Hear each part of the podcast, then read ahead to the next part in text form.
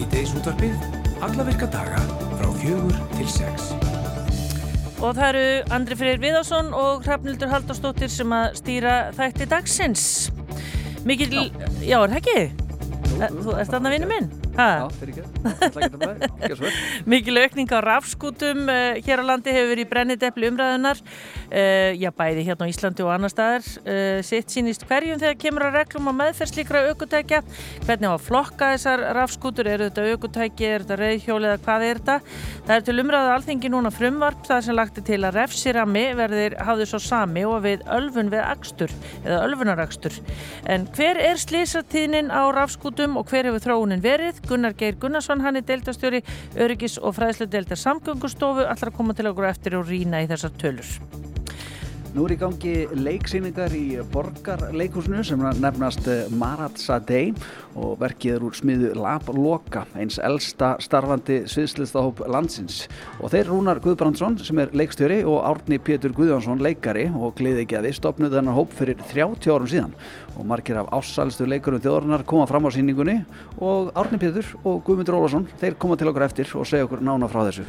Emitt. Og frískapar, þeir sem hafa minnst okkur til lusta á síteisúttarpið, þeir vita hvað það er. Það er hugtag sem við ættum farin að þekkja vel en það þeir sprett orðið upp eins og gorkulur um landallt og svo nýjasti var opnaður á Selfoss á dögunum og við ætlum að fá að heyra um það. Ringjum í hana Karinni Gestóttur.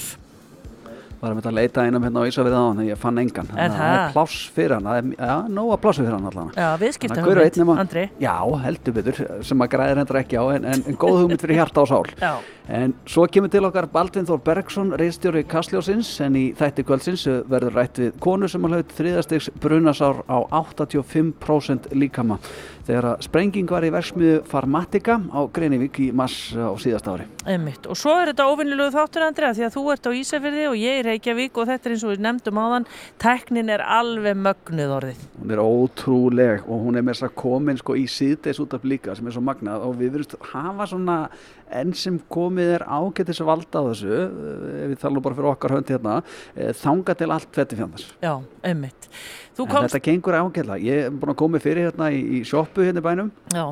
sem að enn oft talað um sem svona einhvers konar nabla alheimsins hérna verið vestan og uh, ég ætla nú að spjalla hérna við uh, einn af eigandum sjópunar hérna setni í þættinum í dag um, um þessa töfra sem er inn í þessu húsnæði hérna því að þannig verist allt vera til og það er engin breyting á því Nei, eða þú segir okkur svona aðeins við höfum komið til Ísafjörðar hvar er sjópan nákvæmlega? Eða þú stært ekki að segja gatan heldur frekar að lýsa þið fyrir okkur Þetta er á þessari aðal götu hérna sem við sjáum náttúrulega þegar keiri hérna inn og þá er bensinstöð hérna við enda götunar og svo er hérna verslunarkjarni hérna líka við hliðin á sjópunni og þetta er svona milli kjarnans og hótelsins myndi ég segja, það er þetta og þetta er svona ská á móti bakarinn líka. Það er allt hérna einhvern veginn á þessum reynd og við ótt verið að dásama mjóttina í uh, síðdeirsútarfinu, þetta frábær staður og hérna við liðina með núna er einna magnaðri kjörnum landsins myndi ég á alla því að hérna er sko það eru tveir asískir veitingastæðir hérna. Það er einn kebabstæður það er uh, svona uh, hvað segir maður, nýtjamarkaður hérna það er stórmarkaður, hefðbundin svona vestlun og það er eiginlega allt hérna í liðina með sko. Þannig að þetta er, þetta er staðurinn sko. Er hérna ef þú átt einn dag, dag lausan til að fara vestur Já. þá ferðu hinga en Andri er ja, svona, hvað ég voru að segja það, það er, við, við orðum bara þannig það er búið að vera gluggaveður undanfattan dag hvernig er fyrir vestan? Það er skítkalt, Já. það er bara ótt að segja það. Þetta er, það er, ég held að það sé svipað viðfar. Ég held einhvern veginn, sko, ég talaði nú eitt félag hérna vestan á og ég fór ekki að hæra að spyrja svona hvernig verður, mista krakkaðurinu, hvernig verður það? Verður galla eða er bara úlpa og húavellingar og, hann sagði, sko, já, nú svipa hittast þig, sko, en þannig alltaf svona aðeins lýrra að það verður vestan, sko, það er ekki sér raki í loftinu og þetta, sko, en það er kjaftaði. Já. Það er alveg á kalt hérna, sko. Þannig að þetta er svona. En sólinn er fann að skína því að sko það er alltaf haldið sólarkaffi fyrir vestan þegar sólinn er hérna upp fyrir fjöllin. Já, já. Þannig að það er vantilega bjart og fallegt. Já, já, það er það. Það er mjög fallegt um, um að leita sko, það er ekki það sko. Og svo er fólkið sko, það er líka bara þokkalett, sko, það er unlingar hérna næsta borði og svona og ég mann við þá daga þegar maður sjálfur unlingur sko, þá einhverju verið að böggast í mann og stríða manni jafnvel sko. En það er einhvern veginn þannig fílingur hérna að ég gæti í rauninni lappað allsber hérna inn og það myndi enginn hí á mig sko. Nei. En það, á sínu tíma það var bara verið kastaði mann hlutum sko. Það er ekki lengur þetta. Nei. þetta er bara allt bara með huglegasta mótið Já, eru komnir einhverjir ferðamenn, sérðu það? Já, það, það eru nokkur á stangli það eru, það eru par hérna og þar næsta borðið sem að er hérna, já, mjög upptökja símónu sínum en, en það er með svona stóran babba og svona, þannig að þetta, ég myndi halda að þetta verið ferðarfólk sko. Já, þetta eru náttúrulega, hvað er svona, vorbúðin hljúfi, annars er náttúrulega ferðamenn komnir, þeir eru fannir að vera hérna allt árið, en þetta er svona svolítið oft takniðum að vorið sé að koma. Já, endi líka vorið fara að tegja sig hérna yfir allt árið líka. Já, að, já. Þetta er, þetta er allt í góðu, er helst allt í hendur sko. Já, já. einmitt. Þannig að það er bara allt að gerast og þeir sem vilja sjá andra freyji og þeir þá Nei, koma bara í nei, sjoppuna við- eða skulum ekki. Þetta er svo flottri nei, nei. lopapeysi. Já, þakka fyrir það, þakka fyrir það, hún er enda dásalega, það, er mömmu að þakka. Það er maður meina þakka. Herðu, við ætlum að heyra hérna lag, Una Torfadóttir ætlar að syngja hérna fyrir okkur og svo ætlum við að ræða um uh, raf skútur hér eftir smá stund.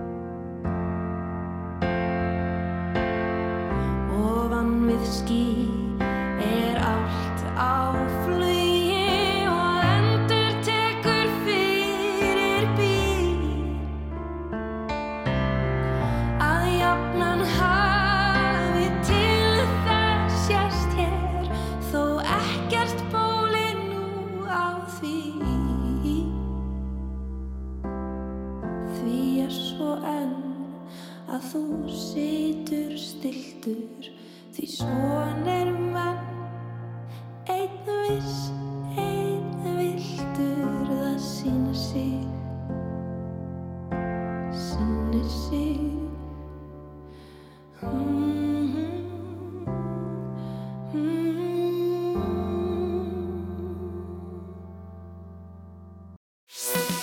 Þetta er Rástvö Fyrst og fremst með þér. Við ætlum hérna eftir smástund að ræða um hoppjólin og fáum þá nýja tölfræði frá honum Gunnari Geir Gunnarsinni sem er deildastjóri á samgöngustofu. Förum nánar í tölunar hér til smástund. It's a mystery to me. We have agreed with which we have agreed. And you think you have to want more than you need. Until you have it all, you won't be free. Society,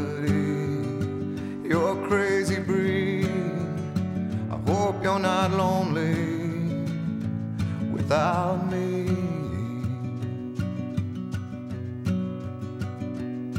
When you want more than you have, you think you need.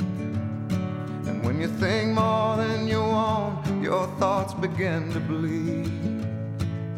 I think I need to find a bigger place. Cause when you have more than you think, need more space. Society, you're crazy breed. I hope you're not lonely without me. Society, crazy indeed. I hope you're not lonely without me.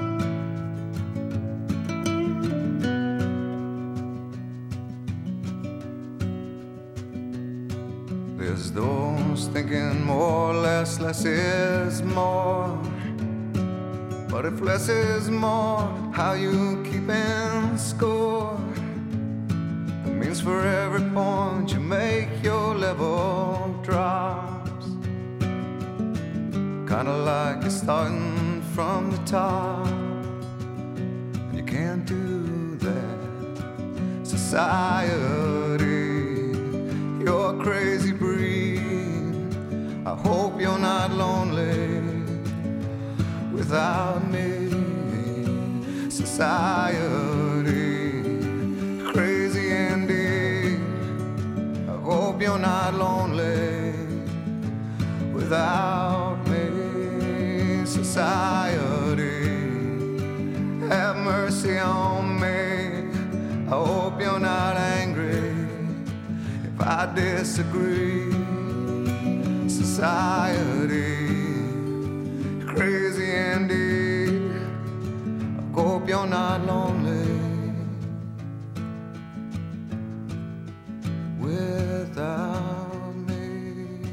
Þetta er Eddie Vedder að syngja fyrir lag sem heitir Society og eins og við sögum ykkur frá áðan þá ætlum við að ræða næstu mínuturnar aðeins um uh, já, stundum er sagt rafskútur eða rafhlaupahjól og við höfum nú rætt þetta hér oft í, síðdeisútdarpinu bæði við þá sem að leia slík hjól og notendur og svo náttúrulega bara við yfirleiknin á bráðadeild og það veriðist vera svona svolítið sem vilda vestrið ríki í þessu öllu saman. Og til þess að rýna eins betur með okkur í þær tölur sem að nú þegar eru til er hann komin yngaðan Gunnar Geir Gunnarsson sem er deildastjóri öryggis og fræðslu deildar samgöngustofu. Velkomin. Takk. Já, segð þú okkur, hva, hvernig lítur nú hérna tölfræðin út þegar kemur að, að hlaupahjólum ef við notum það orð? Já, hún er satt að segja frekar svört, Já, svo við orðum bara þannig. Um, við erum búin að gera upp 11 fyrstum mánuði síðast árs og þar sjáum við að 172 slösust á rafleipahjólum um, og þetta er um það byrj tvöfalt fleiri heldur en slösust á reyðhjólum á sama tíma. Og sangkvæmt okkar síðustu könnun þá er sagt, notkunnin á reyðhjólum um það byrj 4-5 sinnum meiri heldur en á rafleipahjólum þannig að áhættan við að vera á rafleipahjólum er þetta kannski 7-10 föld með að við reyðhjól. Um, ég set smá fyrirvara á þetta en þess að uh, notkun rafleipahjóla undir áhrifum áfengis er svolítið mikil við sjáum það allavega í slisatölunum okkar þannig að þessi 7-10 faldi munur er kannski ekki eða etru og rafleipahjóli versus etru og reyhjóli en, en hérna af því að uh, þetta er það algengt undir áhrifum þá dregur svo tölfræði þetta svolítið upp já. Væri ekki tölfræðin bara einn sama ef að fólk veri alltaf með reyðhjól við höndina þegar það er ekki glasi eins og hlaupahjólin eru nú víða og sérstaklega í kringum þessa svona heitustu staði ef maður getur satt sem svo nýri bæ. Að fólk væri það bara á reyðhjóli á jamminu og læsa því fyrir utan skemmtistæðin og Já, fara svo heim. ef það geti alltaf gengið að reyðhjóli vísu eins og það getur gengið að hlaupahjóli vísu út um allt. Væri það ekki slisatínin bara svipuð? sennilega ekki svip þessi tæki eru þau eru svolítið ólík. Um, í fyrsta lagi með rafleipahjólin það að íta á takka til að fara að stað það er allt önnur tilfinning heldur en að þurfa að stíga hjólið. Um, sömuleiðis er jafnvægis punkturinn á þessum hjólum svolítið skrítin, þú ert með hendunum mjög þjætt upp að líkamannum þannig að, þannig að það þarf eins og við séð fólk í línudansa með mjög langar löng príkirni í sikur áttina einmitt til þess að halda jafnvægi og það er svolítið það sem við fáum út úr reyhjólunum en ekki rafleipahjólunum og svo í, í þriðalagi eru hjólinn undir þessu mjög lítil sem þýðir að mjög, það þarf mjög litlar ójöfnur til þess að fólk datt eftir allavega að missi, missi jafnvægi og ef þú ert ekki um, alls gáður þá áttu svolítið erfitt með að bregðast við slíkum atbyrðum. Já. Já. En, en Við Gunnar, veitum að já, slísin, fyrir geðuraldur, við veitum að slísin eru, eru hérna, já, mismunandi og vissulega hafa orðið mjög alvarleg slís á hlaupahölum. En hvernig ertu með eitthvað tölfræðum það? Hversu svona alvarleg slísin eru? Því að þú veist, það er nú eitt að detta og, og, og segja á, svona annað að brotna og svo getur þetta jafnvel farið ennþá verð. Já, sko við skiptum öllum umferðarslýsum í sagt, alvarlega eða sagt, meðslunum í alvarlega eða minniháttar og á þessum 11 mánuðum voru 48 sem slösust alvarlega á rafleipahjóli og það er aftur töluvert meira heldur en þeir sem slösust alvarlega á reyhjóli. En, en hins vegar er stæðandi svo ef við leggjum saman um, það sem slösust alvarlega á reyhjóli, rafleipahjóli og fógangandi þá er það orðin fleiri heldur en er að slasast alvarlega í bifræðum eða á, á bifhjóli Mhm. þannig að þessir óvörðu vegfarandur gangandi og hjólandi er orðinir um, fyrirfæra meiri í slísatölunum alvarlegu slísunum heldur en, heldur en hérna, þessi, þessi klassísku bílslís ef að svo maður segja þessi sem er í bíl og í, í, í eitthvað skonar vörðu búri inn í bílnum um, og þessi 48 á rafleipahjóli þetta er núna þá um það byrj fjórðungur þeirra sem að er að slasast alvarlega.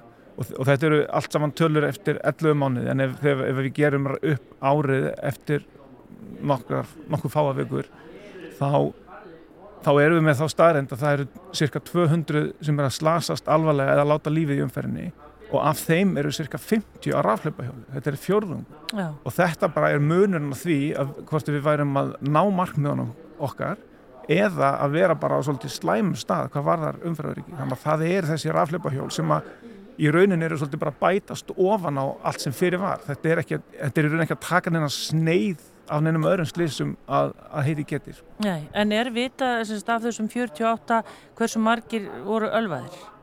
Er það tekið?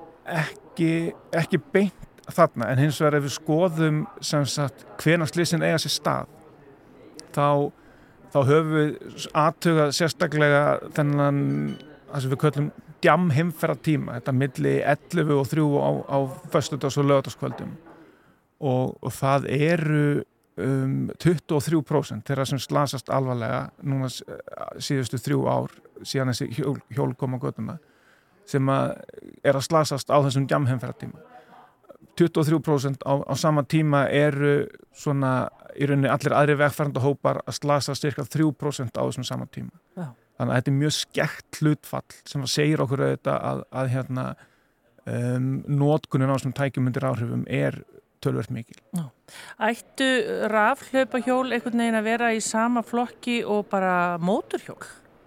Þegar kemur að sko lögum? Já sko, það er verið að reyna að koma einhvers konar böndum yfir þetta. Það, það er reglugerði í, eða hún er ekki smíður lengur, hún er í umsóknarferli.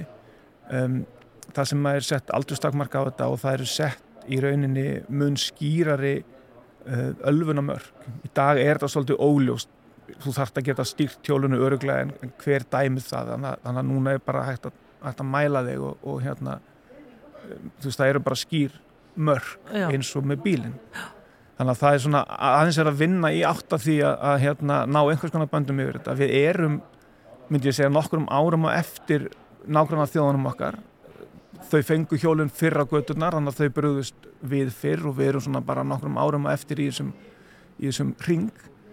En, en hérna, og það er mjög hver, hver viðbröðin hafa verið, en, en allar þjóðarnar í kringum okkur hafa verið að grípa til einhverja úrræða til þess að koma böndum yfir þetta. Eins og hvaða úrraða, Já, eitthvað og- sem við getum kannski tekið upp hérna heima. Já, það hafa, sko, einhverja þjóðir hafa bara bannað þetta alveg.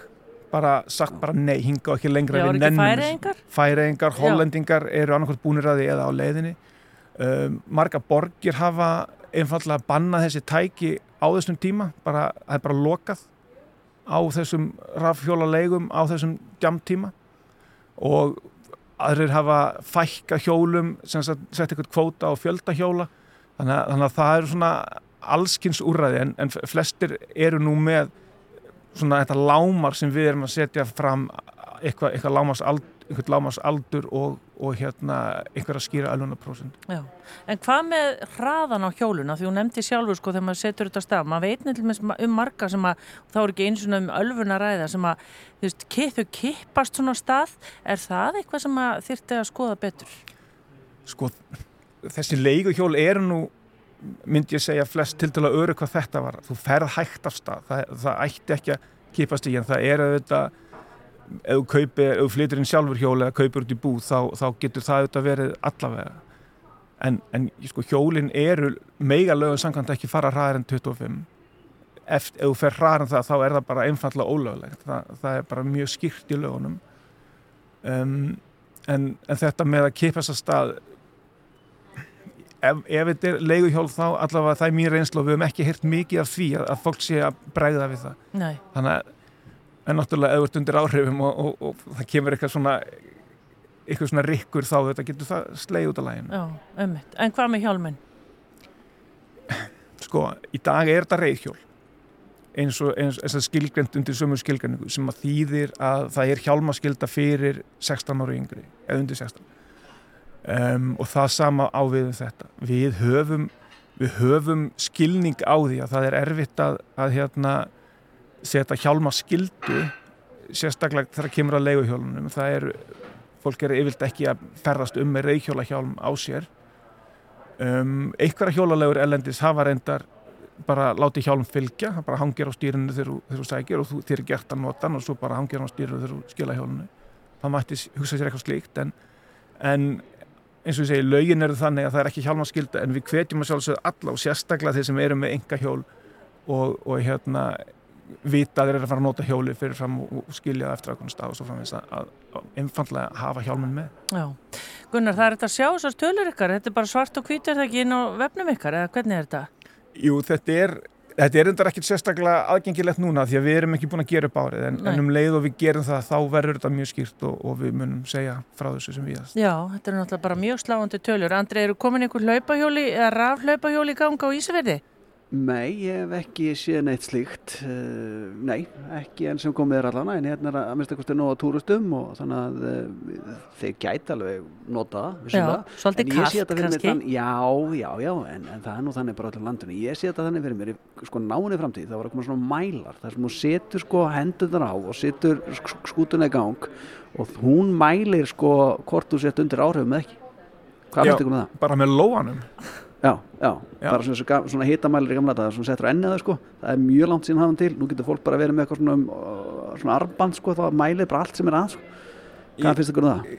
Mér finnst það frábær hugmynd, ég veit ekki hvað þessi tækni Já, sér takk. til en, en Nei, hérna... nei, Við vil köstum bara- þessu út í kosmósið. Það er er öruglega stutt í þetta. Já. Já, já, akkurat. Mér Við líst mjög vel á þessu þetta. fagnandi. Já. Já. Það er allavega á hreinugunar að það þarf allavega eitthvað að koma böndum á þetta og skoða þetta vel og bara finna bestu lustina, er það ekki? Algjörlega. Takk fyrir komuna Gunnar Geir Gunnarsson, deildastjóri Öryggis og fræðslu deildar samgöngustofu og við höldum að þessari umræður alls ekki loki hér að minnstu kosti í síðdeis útörfnu.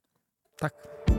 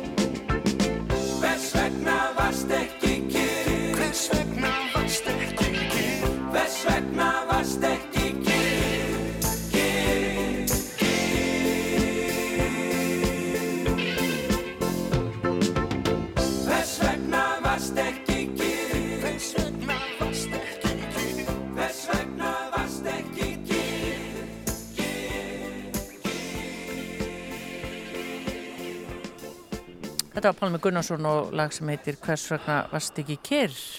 Já, maður hefði kannski betur bara verið fyrir á höfuborgarsvæðinu, ég get svarað sko, það bara allar búið að leggja á mig hérna þetta er spjallið hérna á hlöpuðalinn kemur kona hérna inn sko, strunsar hérna í áttanum sko, rífur svona hirnatólin úr sér sko, með hjálm.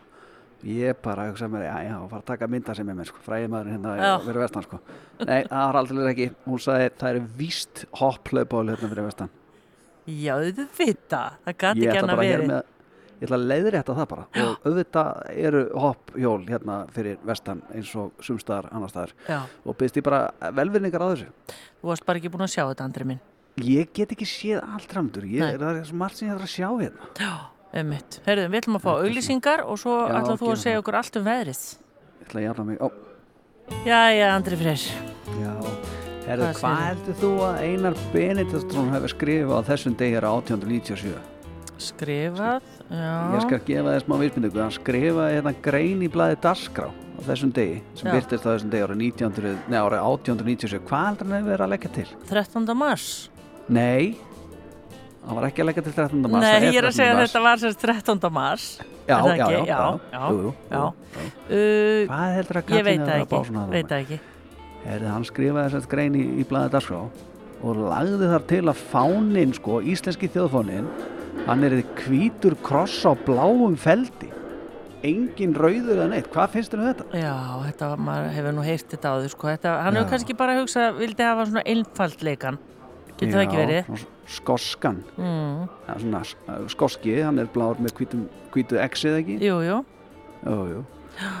þetta var ekki samþýtt. Nei, en eins og segir annað á þessu degi, aðeins nær, nær samtímanum með það sko, árið 1971, það var hljónstinn Trúbrot sem að frumflytti lög af hljónplötunni Livun í Háskólabíu á þessum degi árið 71 og þótti það náttúrulega stór tíðindi en það mögnuð blata sko. já, það verið fjör þarna maður. Já, og veist við erum nú hérna í Háskólabíu sko, langum bara að halda hérna aðeins áfram með og fara hérna yfir í kvipmyndunar. Já, Þessum degi er 1981 þá var nú eina þínum uppáhalsmyndum hún var frumsýnd, punktur, punktur, komma, strik já, já, geggjumynd. Já, frábær Já, En 81.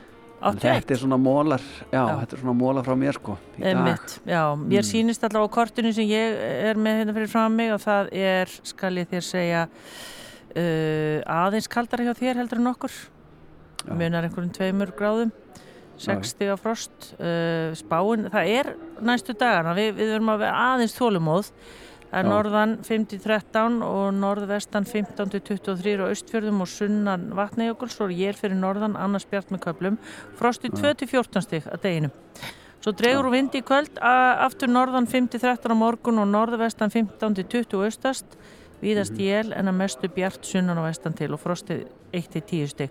Og það er ekki fyrir á föstudag sem að rauðar tölur. Að minnsta Strax? Kosti- Já, það er bara... Strax á föstudaginn? Já, það snúast hérna Já, frá hérna. 50 degi, það er svona smá mingar kvöldin, miðgut á 50 dag og svo eru bara konar rauða tölur meiri segja, já, bara eiginlega allstæða nema kannski fyrir norðaustan maður sko nær valla að renna upp úlpunni sko, það var bara aftur og lít svo er alveg magna alltaf sko hmm, ég var samt að segja reyðarhaldur sko, Já. það er sko eitt með þessa spá sem þú ert að þylja þetta upp úr kristalkúlunni sem segir okkur allt um veðrið já, að það er hérna sko sangant staðsetningunum minni akkurat hér og nú á Ísafirði í miðbænum þá er mínus nýju gráður frost. Og það er oft lítið að marka þetta en ef maður fer aðeins dýbra í þetta sko og tekur rakan inn í þetta líka sem er 72% þá er sko tilfinningin mínus átján. Já, ég veit. Þannig að þú veist það er meira en að segja það sko þetta er þetta rosalegt er tilfinning nú er ég búin að reikna þetta saman. Ég tók hérna 70, 72% raka tók smá vind með þessu líka. Já, þetta eru mínus átján. Já. Þetta er rosalegt. Herðu, við ætlum að Þetta hérna, sko. já, fáum tónlist og svo ætlum við, ætlum við að heyra aðeins af, uh, hvað ég var að segja, það er heimildamind sem verður sínd á morgun í, í hérna Iðnó, Your 100 Year Life og þetta eru fjallar, þessi mynd fjallar um þær áskoranir sem að mæta samfélögum um allan heim vegna hækkandi lífaldurs. Þú þarf nú ekki að hafa ágjörða þessu, þú ert svo ungur. já, rétt hér Já, þú áttur á móti þarf heldur ekki að gera þessu heyrum meira af þessu hérna eftir smástund. Síðdeis útvarpið alla virka daga frá fjögur til sex.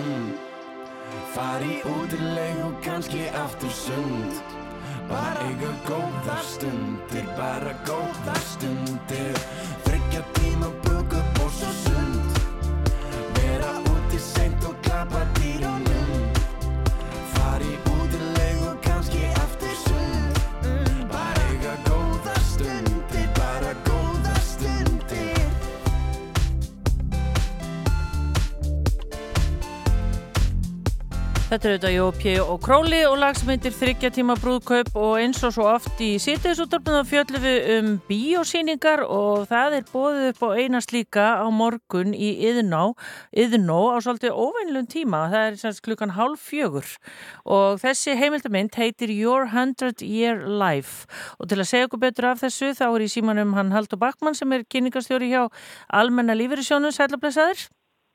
Bless og sæl. Já, það, það rak á fjörur okkar þessi mynd, þar sé að okkar þá er ég að tala um landsamtaka lífyrirsjóða, ég er í fræðslunemnd landsamtaka lífyrirsjóða og uh, það rak á fjörur okkar þessi mynd sem að heitir Your 100 Year Life og er heimildamynd sem að fjallar um þessa risastóru ákvörðun sem að, áskorun sem að, sem að blasir við þjóðum heims. Og hún er, þessi áskorun er misstór og þjóðir heims er að, að undirbúa sér mis vel undir hana. En það er nefnilega eins og hefur komið fram í það, þá er, er hérna er aldur lífaldur að hækka og, og það eru mjög margar áskorunni sem að mæta okkar út af því bæði fjárastlegar og svo, svo helsufarslegar og svo félagslegar og það er svo margt sem það, mörgur sem þarf að heikja að þannig að já, þessi, þessi mynd fjallar um það og er, er hérna mjög merkir og velgerð. Já, en af hverju er fræðslu nefnd landsamtaka lífverðisjóða að standa fyrir slíkar síningu? Það er, það er svo sko margt fróðlegt sko, það er ekki oft sem að rekkur á fjörumanns uh, mynd sem er áhugaverð heldur aðtiklu og er skemmtileg og fjallar um lífverðismál það er eitthvað það er ekkert, ekkert sjálfgefið að, að fá eitthvað sem er uh, í það minnsta áhugavert þegar það er að fjallum í lífrismál. En þetta, þetta er mynd sem er náttúrulega bara uh, mjög, mjög, hérna, hvað segir maður, uh, áriðandi skilabóð. Það er svo margt sem hefur verið að fjalla um sem að varður okkur að uh, heimurinn er að eldast og, og við þurfum að búa okkur undir það með, með ímsum hætti, bæði fjárháslega og, og, og til að undirbúa þjónustuna sem að þarf að vera til staðars. Já, það verður, það er ekki bara, hérna, maður veit náttúrulega ekki dagi hvort það verður pop og kókan í bíónu, það er allavega pallbórsumræður eftir myndina, er það ekki? Já, jú, við hérna, við eftir myndina sem að tekur um klukkutíma í síningu, þá verður það pallbórsumræðina sem að það sem þau tróðu upp Gilvi Sóega, uh, Yngibjörg Solrún og Steinun, Steinun Þorradóttir sem er, er öldrunleiknir og, og formadur leiknarflæðs Íslands. Og þessum umræðu stjórnar Stefan Rundberg sem er, er uh, einn framleiðindu myndarinnar. Þannig að ég bara get lofað áhugaverðum umræðum fyrir þá sem að hafa áhuga á þessu málefni sem er náttúrulega bara, ansið margi sem að þetta mál varðar, það er náttúrulega bæði, bæði þeir sem eru í að þjónusta lífri skeiran og þeir sem eru, þeir sem eru í, í uh, að þjónusta eldri borgara, þeir sem eru í aldrei þjónustu eða, eða hérna, helbriði skeiranum. Já og fólk um og er bara að mæta í inn og, og myndin sín byrjar hálf fjögur á morgun? Já, mynda það er svona já, ekki þrjúbíó, þetta er þrjúbíó bíó. Þannig að hérna já, 15, klukka 15.30 er, er myndin sínt og svona, þetta er svona hugsað fyrir þá sem eru, eru sérstaklega í þessum geira, þeir sem eru í lífriskerinu, þeir sem eru í að þjónastæða eldriborgara eða, eða hérna í, í helbriðiskerinu, það er, sérstaklega hugsað fyrir þá. Það er get lofa að þetta er mjög áhugaverð mynd. Emið það. Áhugavert klukkan halv fjögur í, á morgun í yðn og Haldur Bakmann, kynningastjóri, takk kærlega fyrir spjallið og bara gangi ykkur vel með þetta. Takk kærlega sem leðis. Bless, bless.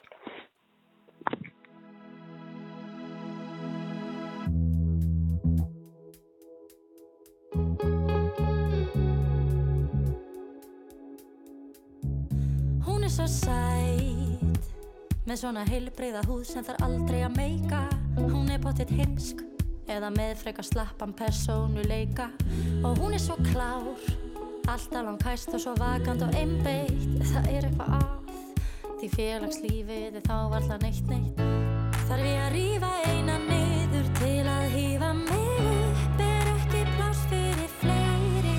Nei, hún ógnar mér sem ógnar henni, sem ógnar henni, sem ógnar þér. Sem ógnar henni, sem ógnar henni, sem ógnar mér. Sem ógnar henni, sem ógnar henni, sem ógnar þér. Og þú ógnar mér og kannski ógna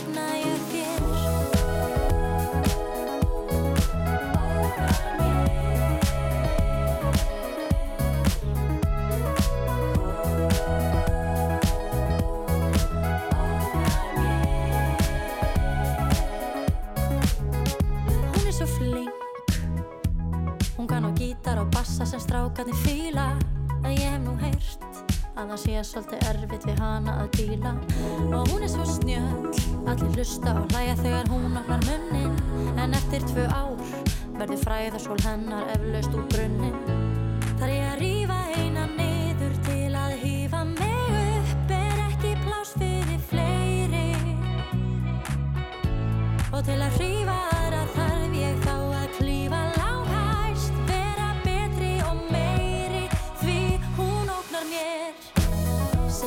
ógnar henni sem ógnar henni sem ógnar þér.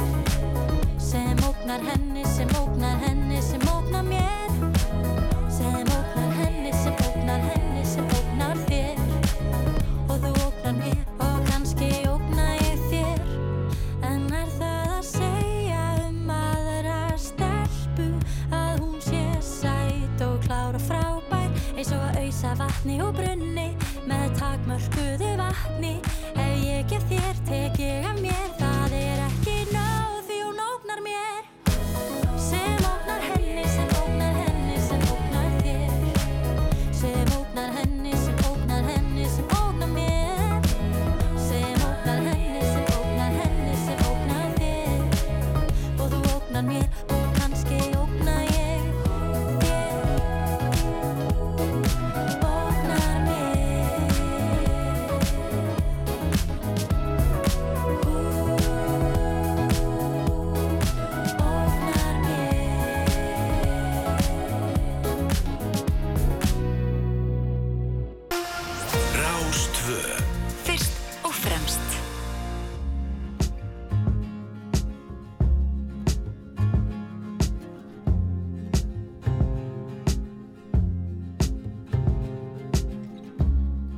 Be honest.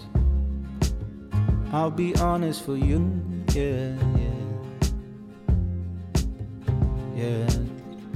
And if we're talking, I'm gonna tell you the truth.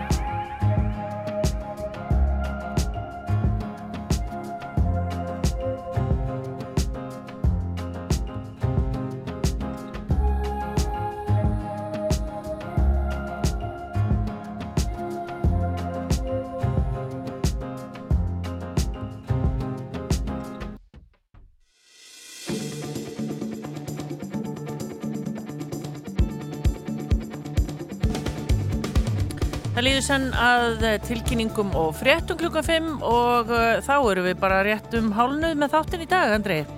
Já, það passar Mm. Og að fara að þrengja mann hérna í sjópinu og Ísafirði sko? Hérna, já, smekkfullt borð hérna á liðina sko, ungu fólki sko, maður er náttúrulega komin á þann aldur maður hrættu við það sko, þau eru að tala um eh, einhverju útgáfa grammelsborgar heyrðist mér Já, já. sleppa kjötinu og setja ananas í staðin ég hef aldrei heyrti það þetta En, en sjoppan er náttúrulega þar sem að ef þú sætir hann og myndir til mér ekki tala neitt þá myndir þú fá he he heitustu sögurnar. Akkurat, Er það ekki þannig? Akkurat. Jú, en þetta er mjög metnaðvilt hérna sko. það er alltaf fólk hérna inni sko. það er Já. alltaf einhvern veginn sem sitja okkur í básum og svona það er ekkit sjálfgefið út á landi sko. Nei. Enda sjoppan Ég bara er þetta ekki bara það. hálf degjandi fyrir, fyrir bara sem er ömulegt bara. Að sakna. Nema kannski út á hérna- landi. ekki hérna allavega en, en jú, vissulega á mörgum stöðum er þetta svolítið uh, svona, þetta er, þetta er uh, virðist vera að fjara út en ég ætla með þetta að ræða þetta eftir við einn eiganda þessara sjoppu hérna um þennan markað sem þetta er því að hérna virðist allt fást, allt Já, það er bara eyrnapinnar við hliðin á Já, bara get svarað, ég var að fara á klósetti kæfu. hérna sko, þá, ég var að fara á klósetti hérna áðan, þá svona maður bara næsta bá sem var að tattúra fólk sko. það er að fara að Ha? tattúra Nei, ég líð Nei, reyndar, en, þetta en það er nánast, það er nánast allt til hérna. Já, ótrúlegt. Við, við ætlum líka að ræða við tvo af uh, ástralistu leikurum þjóðarinnar. Það er síning í gangi í borgarleikusunum uh, sem heitir Marat Sare. Ég veit ekki hvort er rétt borið fram hjá okkur. En uh, þarna er eins og ég segir jómin af íslenskum uh, leikurum og þeir ætla að koma enga Árni Pétur Guðjónsson og Guðmundur Ólafsson heyra beira því eftir. Svo er það frískápar og svo er það kastljós kvöldsins. Allt hér í sítiðis útdarpinu eftir smástund.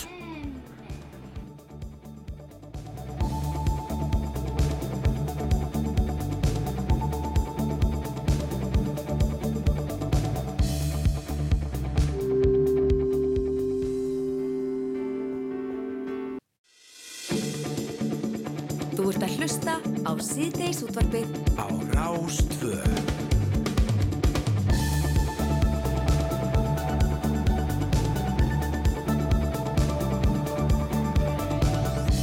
Fyrir fram með stendur Gísli Úlfarsson og hann er einn af eigundum Hamraborgar sem er sjoppan á Ísafirði sem er aðeins meir en sjoppa því að hér fæst eiginlega allt. Allt, allt sem þú þart, bara að nefna það. En hvernig þróðast það í það? Ég meina, einhvern tíma var þetta bara sjoppa og svo er eitthvað beðið um eitthvað annað og þá er pantað inn að því og svo er þetta, hvað? Einu sinni var þetta ekki sjoppa, einu sinni var stórmarkaðir. Og þá var það þannig að það mátti ekki bara selja mjólk í mjólkubúðum. En framsýni menn þeir fóru bara að kaupa mjólk í mjólkubúðinni, löpuðu með henni við göttuna, þannig að fólk hætti komið hingað og keft mjólk og kjöt á sama stað.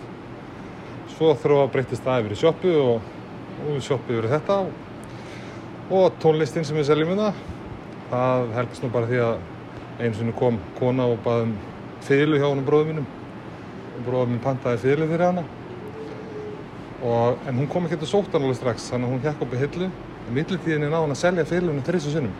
Þannig að hún fekk fjóraða eintækið af fyrirlu og þar með kom hljóðfarahotnið inn í dæmið. Hér færu strengi, neglur og allt sem hún vilt spila Akkurat, við stöndum um þetta viðfræga hljóðfara hotn hérna í Hánaborginni og hérna eru strengir og þarna er eitthvað sem heitir kabó og þarna eru snúrur af öllum stærðum að gerðum og þarna eru munnörpur, þarna er kassagítar, þarna eru trommukjöðar, e, standar, töskur. Þe- Þetta er nú aðeins tekt sig svona, já aðeins út frá þöðluna þegar ekki, þetta er komið í allar áttir. jú, jú, jú það er nú bara kannski kosturinn að búa í svona litlum bæ að stöndum bara saman og reynum að eiga til það sem fólk vil versla það, það er bara þannig Svo er náttúrulega hátíðarna sem heitir Aldrei fyrir suður sem er næstu páska og búið að halda hérna undan hana páska í tefnilega 20 ár. Eh, Hefur hún orðið til þess að þegar við stækka þetta hotni hefur þetta alltaf verið svona sárikt? Nei, við hefum ekki stækkað hodnið en það sem er gaman við aldrei fyrir söður að seljast fullt af hljóðfærum á þessari hátíð fólk kemur hérna og til þess að páskan er opið allar sólarhengin eina helgi sem er opið allar sólarhengin og kemur alveg opbóðslega glatt og skemmtilegt fólk á tónleikunum og þá stundum við í partí og kaupir hérna gítar og nýtur þess það er bara mjög skemmtilegt Þetta er bara besta business hugmynd sem ég heirt um. Sko. Segðu það? En þegar hátíðin Aldrei fyrir á suður er að dætt í ganga eins og núna, nú eru bæjarbúar hérna undirbúa og það er verið að fara að vinna í sviði og ég veit ekki hvað og hvað, þá hljótið þið að þurfa að panta inn meira af einhverju eins og til dæmis pulsubröðum. Jú, jú, það margvalda salan í pilsum og pilsubröðum og bara öllu, bara allt sem er matakynst, þannig að tvöfaldast fjöldin af fólkin í bænum og allir vilja borða. Þannig jú, það er rétt. Mikið af gósi, mikið af ís, mikið af hambúrgurum, bara mikið af öllu, það er bara risastór helgi. Þetta er svona helgi sko sem hjálpar svona vertum eins og mér, sem er með að selja mat, að að harka af sig veturinn og orðin skýtblankur nota yfirdráttin alveg í fullt svo kemur þessi helgi og ef hún gengur vel að þá nær maður að saksa sig mikið á yfirdráttin þannig að þetta er bara nöðsynlegt fyrir, fyrir okkur. Hefur eitthvað hugmynd um hvað þið seljið marga pilsur á þessa helgi? Nei, það er bara, ég veit ekki hvort ég að sé hundruðum eða þúsundum, það er, það er hellingur. Ég hef aldrei spáð í það En er að tellja fyrir mig núna næstu hátíð og segja mér svo eftir hátíð hvað það er marga pulsur? Ég skal gera það, ég skal gera það, ég skal passa upp á það Takk kærlega fyrir spjallið og gangið vel eh, bara daginn, vikuna, mánuðin, eh, árið. Takk sem leis, gaman að hitta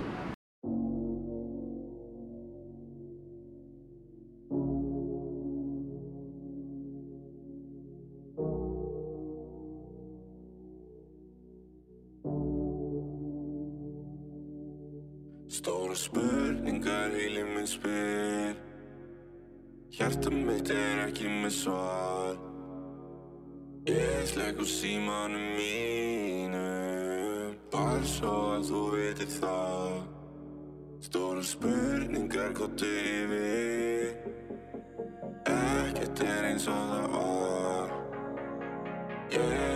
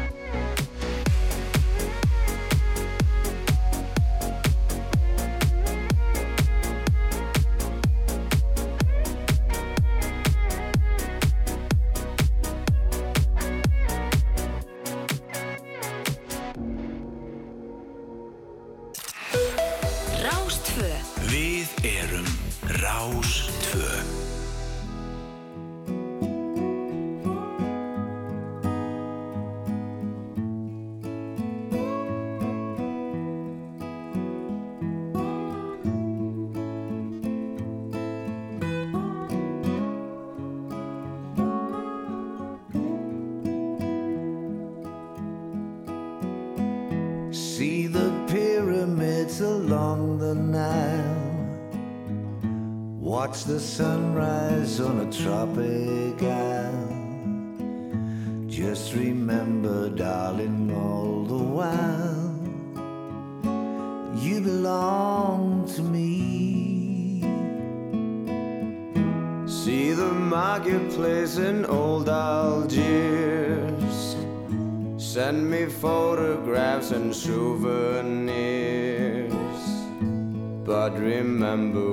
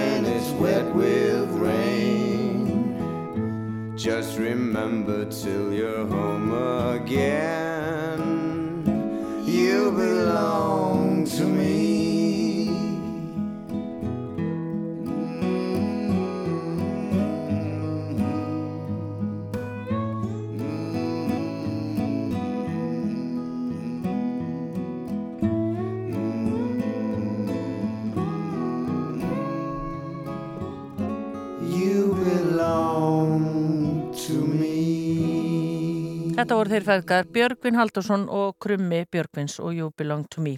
Og þá eru komni til mín góðu gestir hér í hljóðstofu í Efstaleiti og það eru uh, Árnum Pétur Guðjónsson, leikari og uh, Gleði Gjafi stóð hérna í fréttatilkynningunni hjá mér og uh, Guðmundur Ólásson, erst þú ekki líka leikari og leikstjóru og Gleði Gjafi? Jó, Ha?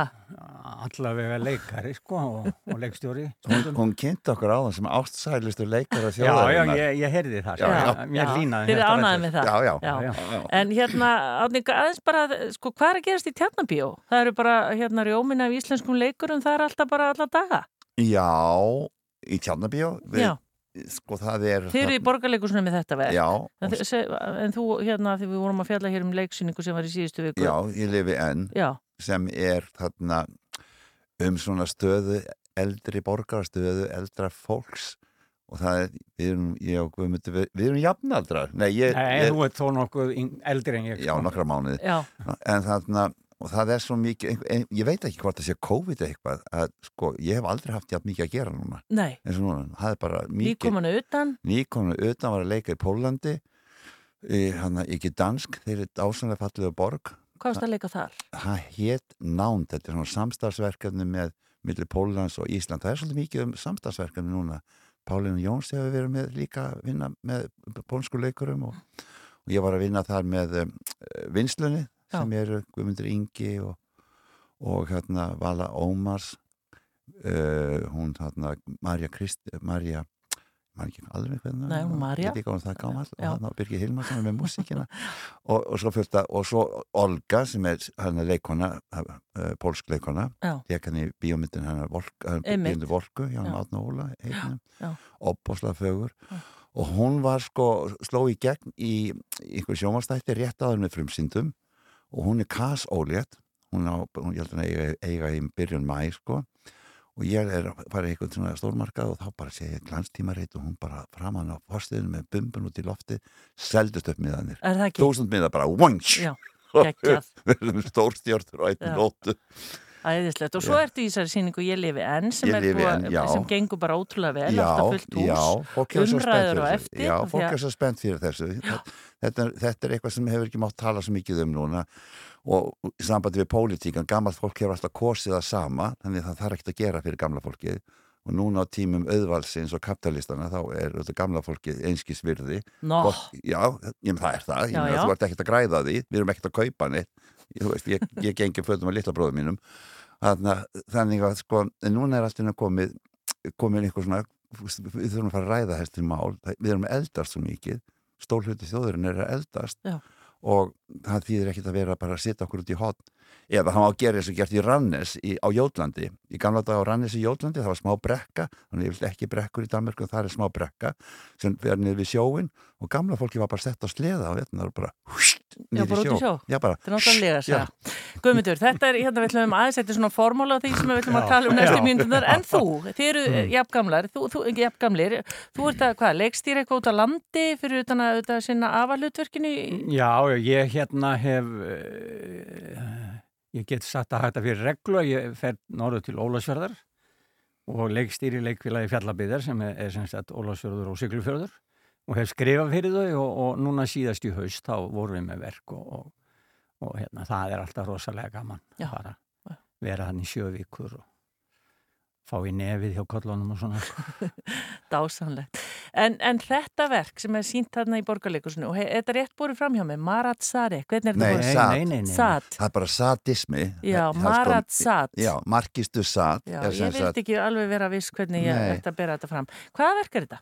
Þetta er, sko, þetta er skrifað in the 60s, eða þetta er eitthvað 60 og eitthvað sem þetta er skrifað og, og hérna er um fransku, sem sagt, þetta gerist 15 árum eftir morðið á Marat í fransku stjórnabildingunni eh, og þarna, en sem sagt, er á að gerast á geðvirkarhæli, eins og það er upprænað að skrifað og sem sagt, stjórnandi geðvirkarhælisins sem er, hann, hann var til, þessi stjórnandi þessa geðvirkarhælis og Markistur Sat sem skrifaði mikið um satisma og, og svona dónaskap og líka mjög fallega bækur og hérna hann var svona, hann er kannski ekki fyrsti list fræðingurinn eða að hann vildi láta geðsjúklinga vinna að listsköpun, fólk var svo framhástöfnilegt þannig að Napoleon skipaði hann í þessa stöðu og hann hafði svo mikið áhuga að vinna með listsköpun fyrir geðsjúka.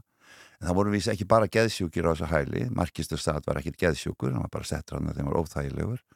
Og hérna, og svo voru þarna til dæmis eins og karakterin minn hann eflust er, hefur verið samkynniður þannig hann er settur þarna inn þegar samkynni voru settur inn líka eða voru ekki drefnir og karakterin sem hann Guðmundur Ólafsson er að leika það voru bara óþægir söngvara sem voru að syngja einhverja óþægilega söngva. Og hann, þetta leikrit er búið til semst, um þetta, um, um leikrit sem Markistu satt, fekk leifið Já, já, já. þetta er söguleg staðurinn. Hann fekk leifið til að setja upp leikrit með geðsjúklingarum en við veitum ekkert hvernig leikrit það var en þetta býr Peter Weiss sem skrifar þetta hann ímynda sér þetta hvernig leikrit hann hefði sett upp. Ó. og þetta er semst 15 árum eftir byltinguna við erum að setja þetta upp 15 árum eftir búsaldabyltinguna Já, einmitt. Þú veist, Já, þetta já. er svo að vera að gera upp þessa þennan tíma sko En Og- það, það er svona, þetta leikrið til líka fjallat alltaf mikið um það þessi samræða á milli Markistu Satt og, og hérna Maraf, Sjampur Maraf sem var einn af fórustum önnubildingarinnar. Það er svona þessi samræða um sko annars vegar einstaklingshyggjuna sem að Satt er fulltrúi fyrir og hins vegar fyrir byltinguna og, og, og, og hið almenna. Já. Og, og það er mjög sko aðtiklisverðar umræður. Já, og þetta er þetta, og þetta er, við erum að tala svo mikið til okkar tíma líka þú veist eins og maður segir Allt fyrir hringi. Já. Já, allt fyrir hringið, they're back eins og maður getur sagt, sko og, hérna, og mikið það verið að tala um verkalýðin það er verið að tala um aðráni það er verið að tala um hvernig, hvernig komið fram í lagstu stjættina og það, það er ímislegt sem er tek, tekið á þannig sem er mjög spennandi Já. en þetta er fyrst og fremst er þetta, þetta er, þú veist, þetta er á hippatímabölunum sem þetta er skrifað þannig það er mikið um gleði og söngva og, og, og, og, Og þannig eru skemmtilegheit. 19 listamenn, ég sá sá hérna frétta tilkynningunni, 19 listamenn á aldrinu 70-90 ára. Já, við erum með með yngstu, ég og Já, já, ég, ég Þetta er geggjað. Ég held ég sé næstingstur, sko. Er það? Já. En, en hérna, sko, það er náttúrulega uh, þetta flotta hjá Rúnari Guðbrandsín, leikstjóra, að, að hérna fá þessa hugmynd og, og útfæra hana svona. Og það er, það var svona stefnan að væri engin undir 70, ég held að það hefði verið vegna forfalla, þá var kannski einhver eh, 69 eða eitthvað svo leið, sko. Og, og hérna, og það er náttúrulega rosalega gaman og, og, og þetta er þannig, það er þannig í læginu þetta verk að það eru allir inn á sviðinu allan tíman og nóg að gera og, og, og þetta er búið að vera þetta var náttúrulega mjög skemmtilegt skemmtilegt æfingaferli. Auðvitað. svona þegar fólk hafi heilsu til og, og, Já, og já. svona og það er svona ímislegt sem skemmtilegt sem gerist. Til dæmis þegar síminn, fólk kann ekki sömu kunni ekki alveg að slökka á símanum og þá ringir síminn sko miður í hæfingu og það er svo fallið að þú veist eldra fólk sem er eldra en ég það kann ekki við að hanna heldur að svara í síman og það er svo skemmtilegt En Og það var ekkert verið að breyta, það nei, nei, nei, nei, og ég sagði, ég sagði við leikstofan, við verðum bara að hafa þetta í sýninguna leifa bara síman og ringja öðru kóru heyrðu það skan að ég er hérna að leika hérna í borgarleikusinu, heyrðu þetta er í efri hitlunum í eldhúsinu. Maður sér þetta alveg oft í vestlunum og svona þegar, ég er nú ekki að fara að segja endilega eldra fólk, en hérna eitt bara svona, að því sko, auðvitað bara allir í leikusu verða, það eru nokkra sýningar eftir, eða hvað? Jú, jú og, er, og er bara, það er rjúk út með hann, það er svo gaman að þessu. Fólk er rosalega hrifið og, og það er sko þú veist, ég hef bæði þetta hrifið því, veist, það þekkir, þetta, þetta er Arnar Jónsson, þetta er Sigur Skúlason, þetta er Kristbjörn Kjeld, þetta er Margrét Guðmundsdóttir, þetta er veist, alveg stóri leikararnir sem Og og við, auðvitað, þið. ásælustu leikarar þjóðarinnar. E, og það er svo dæmis fallið til dæmis að Mar- Margrét Guðmund sem er að verða, sko, hún er að verða nýræð hún lék þetta hlutverk þegar hún var 25 ára gömul. Þetta er Já, í í- og í þessari sýningu þá lemur hún semst að markístu sað með svipu, hann byður hann að lemja sig með svipu, satismin sko þannig kemur orði, hann lamdi hana þegar hún var eitthvað 25 ára gömul í Fandolí í Tjarnabíó Já, já. það var og leikhús þar Og það er hver? og það er Margit Guðmundsdóttir sem sem og Arna Jónsson Arna Jónsson lamdi hana það snúist þarna við hann það við og ekki nómið það heldur svipan er notuð sama svipa er notuð Já, já. Þannig við erum að tala um hemd eftir Já. halva öll En strákar, ég segi bara strákar sko, er þetta ekki bara það sem koma skal, maður hugsa sko því, því ég las nöfnin sko af leikurunum og svona, það er svo leiðilegt ef að bara einhvern veginn allir hverfa að því að auðvitað reglurnar, maður er hægt að vinna þegar maður er 70 að minnstu kosti hérna, já. leikúsum en eh, þar er þetta ekki, er þetta ekki bara svona, hvað ég að segja, kvartning? Jú, jú, ég þetta held er að að líka, líka bara viðtökurna sína Já, það að það er já. hérna uh, það er, eh, fólk vil gjarnan sjá fólk uh, nú er voða mikið verið að tala um að menn megi verði ekki verið með menningarnám Já, Nei, nei. eða hvað sem það heitir Já, sko leika, já, þannig já. að við náttúrulega krefjumst þess að, að- fullorðið fólk leiki fullorðið fólk fyrir ekki það hver þú hann fertur Já. að leika mig um 70 En þetta hefur reyndar sko verið tendensin núna í leikúsunum og, og, og það er að verða þannig að elsta fólkið í, sem er fastráðið við leikúsin, það er bara rétt um 60. Já, áður fyrir var alltaf að tala um konunnar en þetta er ekkit öðruvísi á kvöllunum. eða Nei, nei, nei, nei, ég, og veru- ég er að leika stóru hlutverkin sko þangað til svona fertugur Já. og þá er ég orðin bara sko frændin eða læknirinn eða eitthvað svona en sko til dæmis Tom Cruise í síðustu mynd Tom Cruise hann er ekki með smá stelpu Nei. hún er um já. og ég held, ég veit ekki hvort sé COVID eða hvað þetta er, það er eitthvað að breytast í sambandi við þetta ég man að þetta var svo erfitt fyrir mömmu þegar hún var að horfa á amerísku sápunnar hver er þetta, er þetta mamman? Nei, elskan, þetta er amman Nú, en þetta, er þetta þá amman? Nei, þetta er dótturinn Já. að þau voru allar eins Einmitt. Já, en það er ekki í borgarleikusinu, segja mér einu svona hvernig þetta borður fram. Marasat. Marasat. Hugsaðu bara satismi Já, einmitt. Já. Og þetta er næsta sýning, eða ég sé bara, þið farið bara inn á borgarleikusum.is Já, og 19. held ég, næsta sýning og- Næsta á sunnudag- sunnudaginn, já. Já, sunnudaginn Stórkostlegt. Og það er uppselt þá Það er uppsett. En þú veist, eða þú ert einn, það er alltaf að ná í einn og einn með það. Ég sá í gæri voru svona þrjú laussæti, Já. en það er, sko, já, það er mjög mikið eftir svo. Já, bara gangi ykkur vel og til hamingi með þetta. Guðmundur Ólafsson og Átni Pétur Guðjónsson, takk fyrir komin í út af pitt. Já, ásælistu leikara þjóðarinnar. Já. Takk.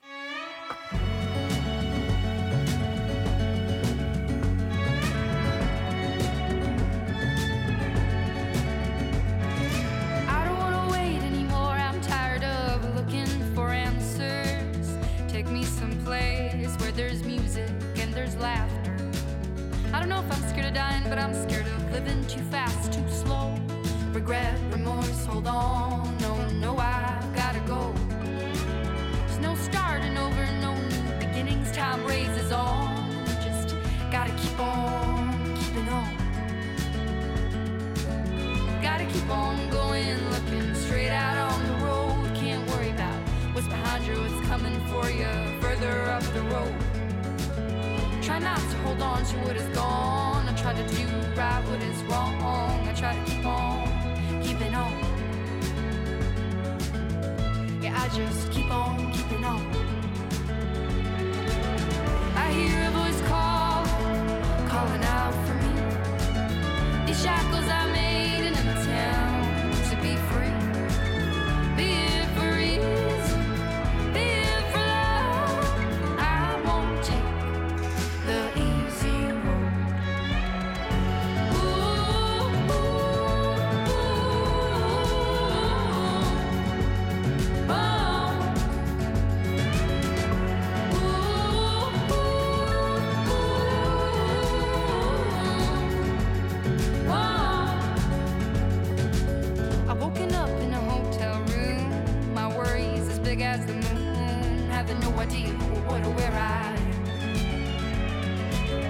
Something good comes with the bad. A song's never just sad. There's hope.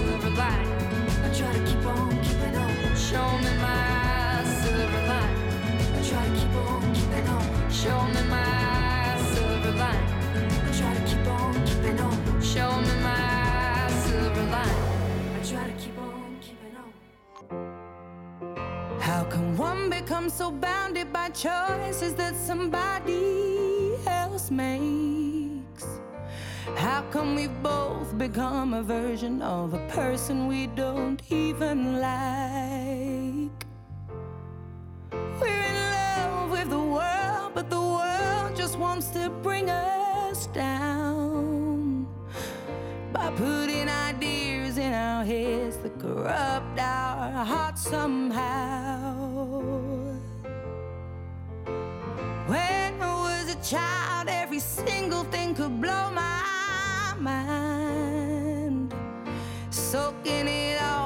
for fun, but now I only soak up wine. They say to play hard, you work hard, find balance in the sacrifice. Yet I don't know anybody who's truly satisfied. You better believe I'm trying, trying. to keep playing.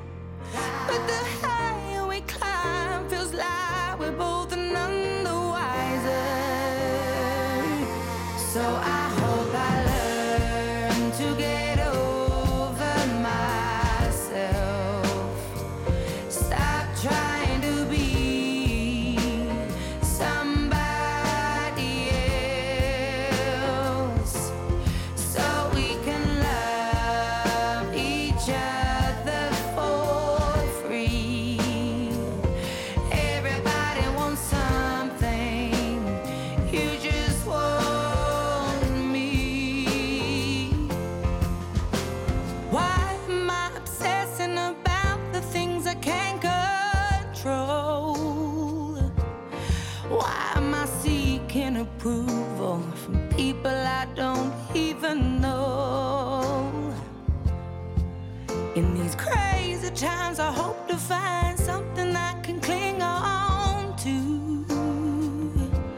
Cause I need some substance in my life, something real, something that feels true. You better believe for you, I've cried.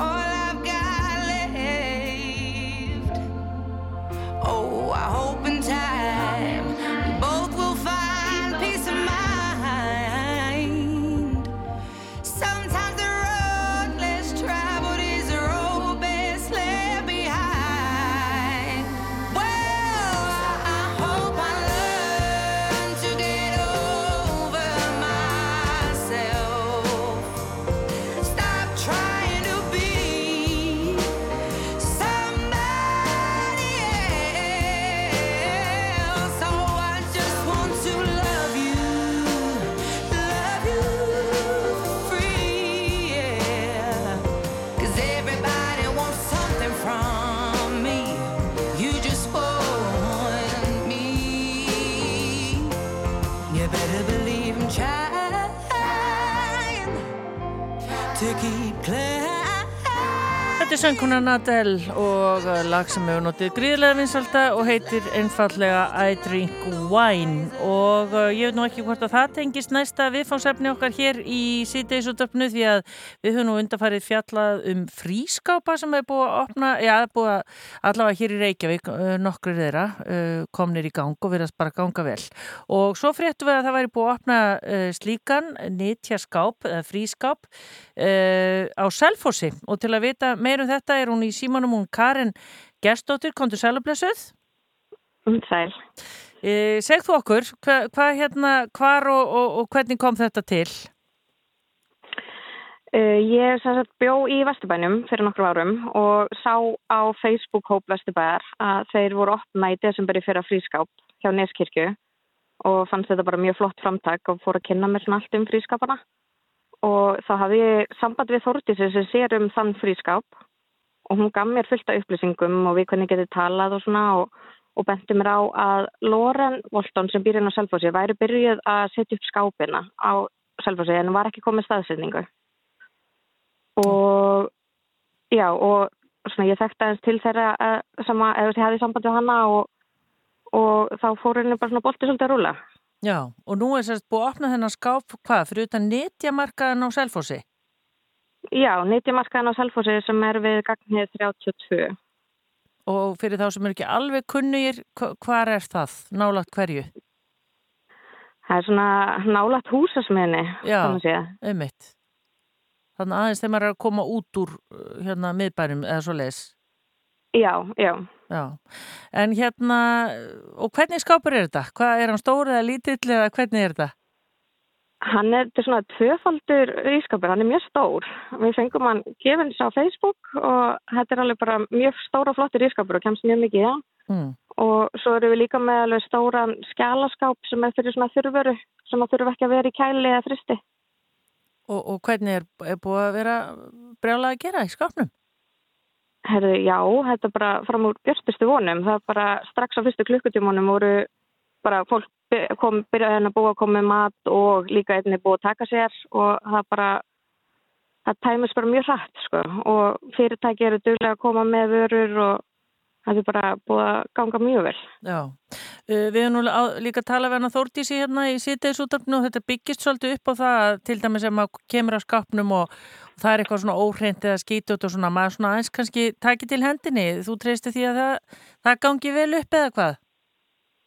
Já, ég er bara að vona að vera rosalega, vera bara vel gengið um þetta og en svo verða alltaf Loren og vinn hennar að sjá um að það verði þrifið að svona fylgjast með því að það verði seint í kringum þetta og, og svona hafa smá viðhald með þessu. Já. En þetta er samt svona samfélagsverkefni og við viljum bara allir taka þátt í þessu með okkur. Já, eru þið með einhverja Facebook síðu þar sem þið gefið upp svona kannski hvað er í skápnum hverju sinni? Já, hún heitir Fritz Frískápur á Selfossi og þar er bara fólk er mjög duglegt að posta þar einn hver staðan er á skápnum og hvað er til og, og einnig þegar það kemur með eitthvað. Þannig að, þú, að það er alltaf bara, þótt að liða nokkru klukkutíma frá myndum, það er alltaf einhver, einhver trafík í skápin, maður sér það alveg. Já, ef maður kemur til dæmis afgang af mat eða maður er eitthvað svona, í hvaða umbúðir á maður að setja þetta? Það er bara gott að setja þetta í einhverjar svona lokaðar umbúðir af því að við viljum helst ekki að það verði svona crossmit. Það getur náttúrulega leynst bakteríur og verður alls þar og eins og svona ráar afurðir verða helst að vera bara í upprunalegum pakningum. Já. En, en til dæmis bara ef maður er með plastskálar eða eitthvað, verður maður þá ekki einhvern veginn, maður fær þá þá ekki aftur tilbaka eða hvernig? Það er hægt að, jú, þú getur hérna, það er svona í skjálaskapnum, þá er e, neðsta hillan er í rauninni hægt að skilja, þú veist, þú kemur aftur og skilur bóksinu og fólk getur þá tekið með sér. Og svona þannig að við ætlum að endur nýta allt sem hægt er að endur nýta Já.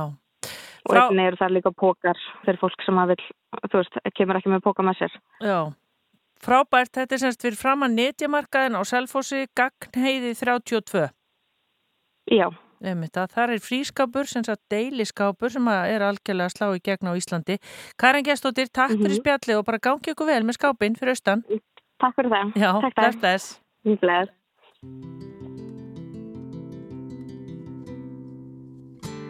I spent my time watching the spaces that have grown between us, and I cut my mind on second best. All the scars that come with the greenness, and I gave my eyes to the boredom.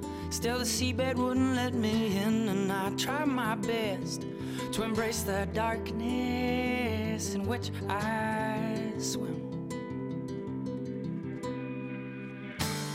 Now walking back down this mountain, the strength of a turn and a tide. Oh, the wind so soft at my skin. Yeah, the sun so hot upon my side. All looking out at this happiness. I search for between the sheets or feeling blind to realize all I was searching for was me.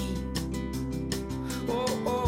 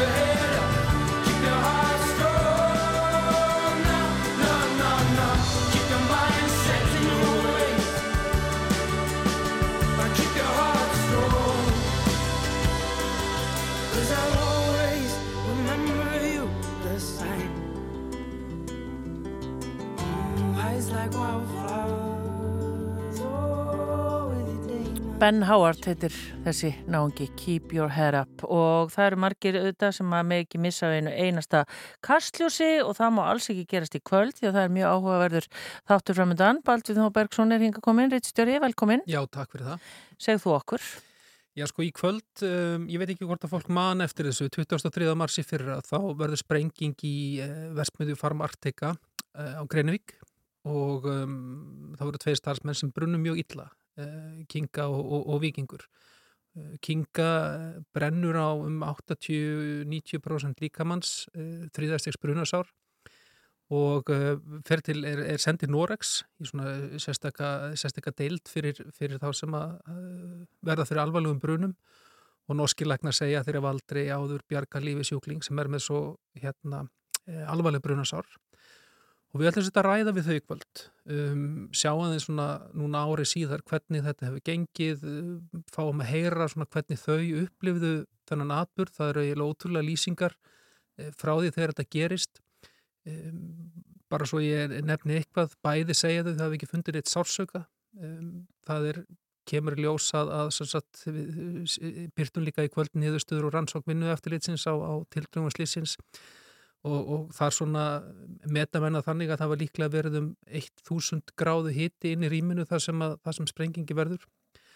Um, og við svona mikið bruna og læknir sem sem við tölum við þættinu segir að við svona alvarlega og mikið bruna þá, þá hreinlega brennur uh, brenna sásökatöðunar og það sé nú að, að segja þetta rétt. Þannig að það er algengt við svona mikið bruna fólk finnir hreinlega ekki til. Og síðan tekum við mjög laung margra vikna og mánaða meðferð með báðum haldið sofandi lengi til þess að það sé hægt að svona stýra aðstæðum betur. Það þarf að græða á þau nýja húð í tilfelli kingu því að nær öll húðin á líkamannu var brunnin. Þá þurft að taka húðsíni af henni og rækta þau upp í tilraunastofu til þess að væri hægt að, að hérna, græða á hennar eigin húð. Þannig að þessa sögu alla ætlum að segja og, og, og Óðinn Svan rætti sér við þau fyrir nokkru Við ætlum bara svona að fara yfir þetta og, og hérna, já, heyra hvernig hefur gengur, gengur og hvernig hefur gengið og, og, og sko það er eiginlega alveg ótrúlegt að, að þrátt fyrir sko þannig alvarlega bruna, þrátt fyrir að þau hafi bæði brennst ítla og gengaðu þetta mun verð heldur en, heldur en vikingur um, þá er það er eiginlega alveg magnað að sjá hvað þau eru komið langt í sinna endurhefingu mm. þó þetta í hennar tilfelli sérstaklega sé, sé mikið eftir en þá er eiginlega alveg, já, það er ótrúlegt að sjá hversu þó hefur gengið vel að, að hérna, að, að einhvern veginn ná bata, eins og hún segir sjálf fyrir nokkru mánuðum þá gæti hún ekki gengið en í dag er hún einhvern veginn að læra að hlaupa upp á nýtt, þannig að þetta er, þetta er ekki bara, e, þetta er ekki bara einhverju hörmungar, heldur er þetta líka svona fá að heyra þessa hlið líka. Já, og mikið hugur ekki að stíga fram í sjónvarsþætti eins og kastlösi. Já, og hérna þau voru bara bæði alveg tilbúin að segja, segja þessa sögu og hérna já, og einhvern veginn koma fram og sína ótrúlega mikið styrk og, og, og mikið hugur ekki. Um, þau bæði líka auðvitað og það er kannski ástæðilega að nefna það að þau eru auðvitað svona óhugulega myndir á köplum í, í þætti kvöldsins við auðvitað erum að sína svona um, hvaða áhrif brunin hafði á þau en, en þau voru alveg óhrætt við að, við að svona sína hvað, hvað hafi gerst og, og, hérna, og svona hvaða áhrif þetta hefur, hefur haft á þau. Já. Ekki missa af Kastlus í kvöldsins, það byrjar nákvæmlega klukka 19.39, er ekki? Já, kannski rétt að nefna það að, að, að við fengum núna bara rétt fyrir helgi, fengum við uh, niðurstöður ansóknar vinna eftirleitsins um, þannig að við ætlum að byrta í kvöld þeirra, þeirra niðurstöða á, á tildröfum og svona hvað vinnu eftir litið telur hafi, hafi gerst. Já, Baldvin Þór, takk fyrir þetta. Takk.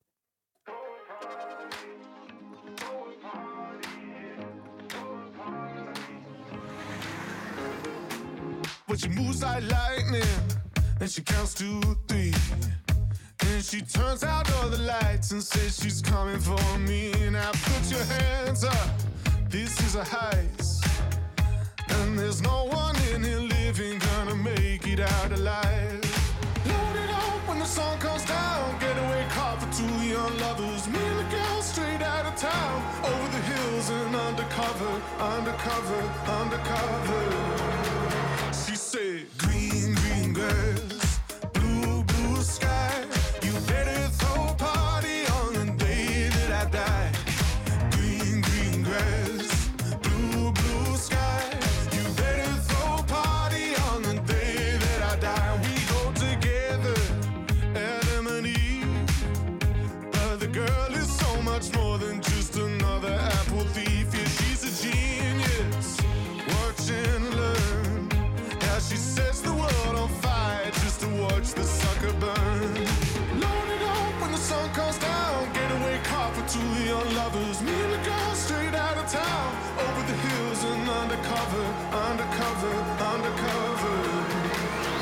She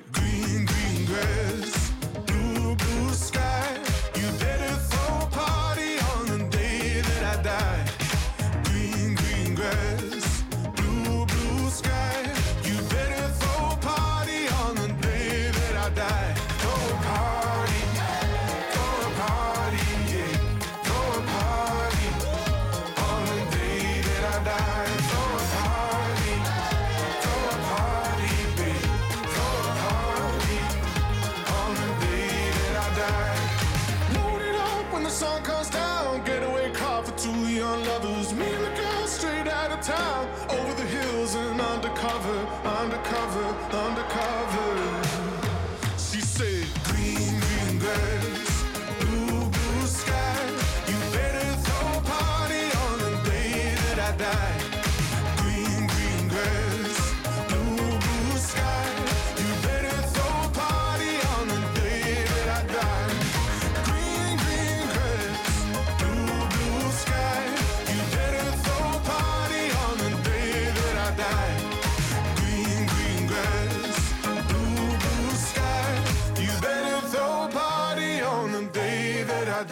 Þetta er George Ezra og lag sem heitir Green Green Grass.